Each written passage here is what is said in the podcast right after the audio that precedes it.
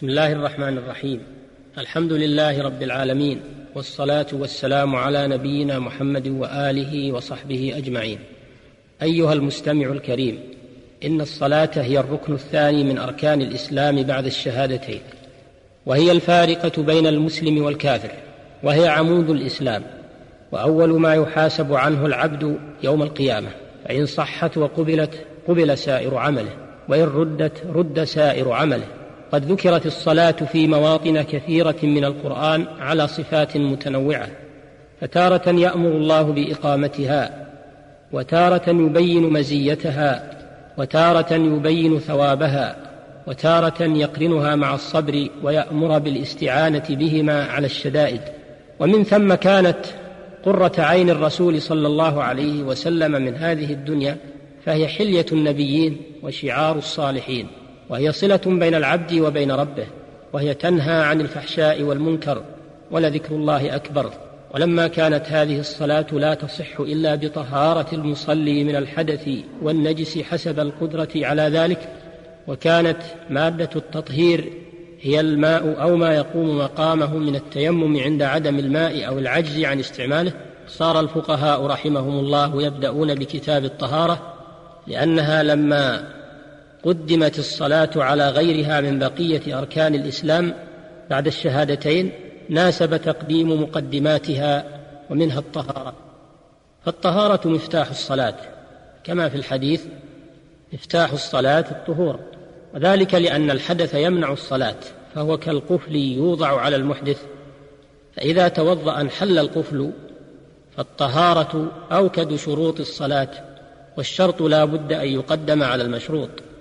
ومعنى الطهارة لغة النظافة والنزاهة عن الأقذار الحسية والمعنوية ومعناها شرعا ارتفاع الحدث وزوال النجس.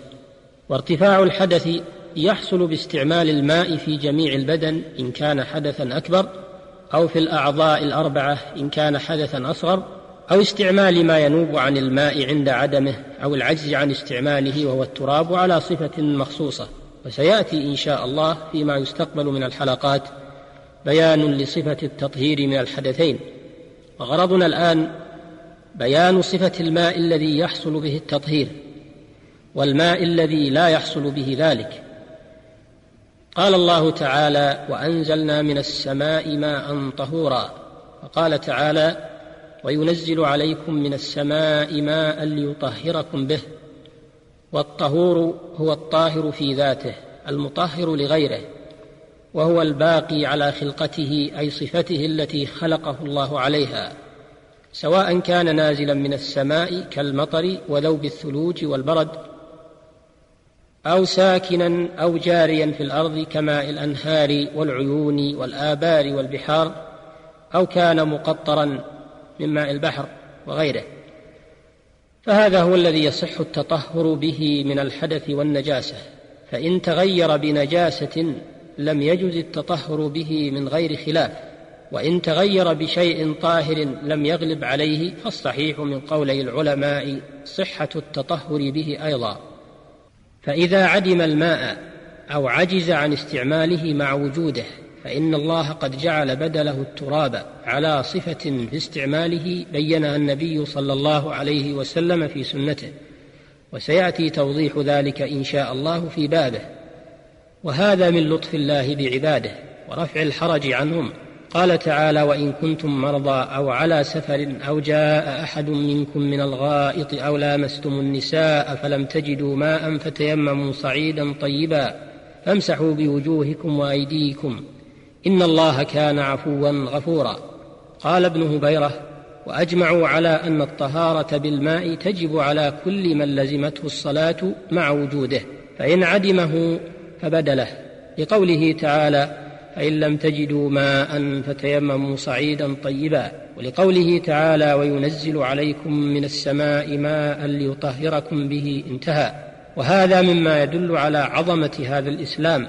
الذي هو دين الطهارة والنزاهة الحسية والمعنوية كما يدل ذلك على عظمة هذه الصلاة حيث لم يصح الدخول فيها بدون الطهارة الطهارة المعنوية من الشرك وذلك بالتوحيد وإخلاص العبادة لله والطهارة الحسية من الحدث والنجاسة وذلك يكون بالماء أو ما يقوم مقامه.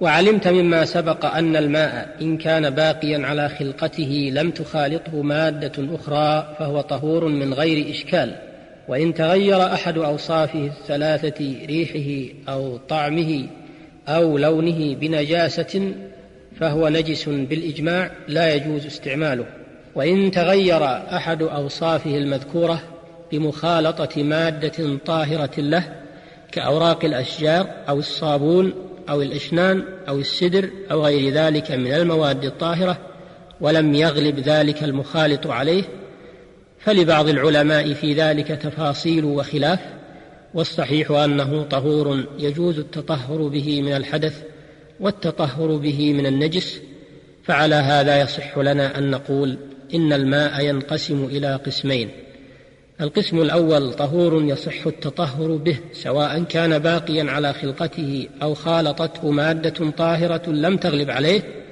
والقسم الثاني نجس لا يجوز استعماله فلا يرفع الحدث ولا يزيل النجاسة وهو ما تغير بالنجاسة. والله تعالى أعلم وصلى الله وسلم على نبينا محمد وعلى آله وصحبه وسلم وإلى حلقة قادمة بإذن الله تعالى. السلام عليكم ورحمة الله وبركاته.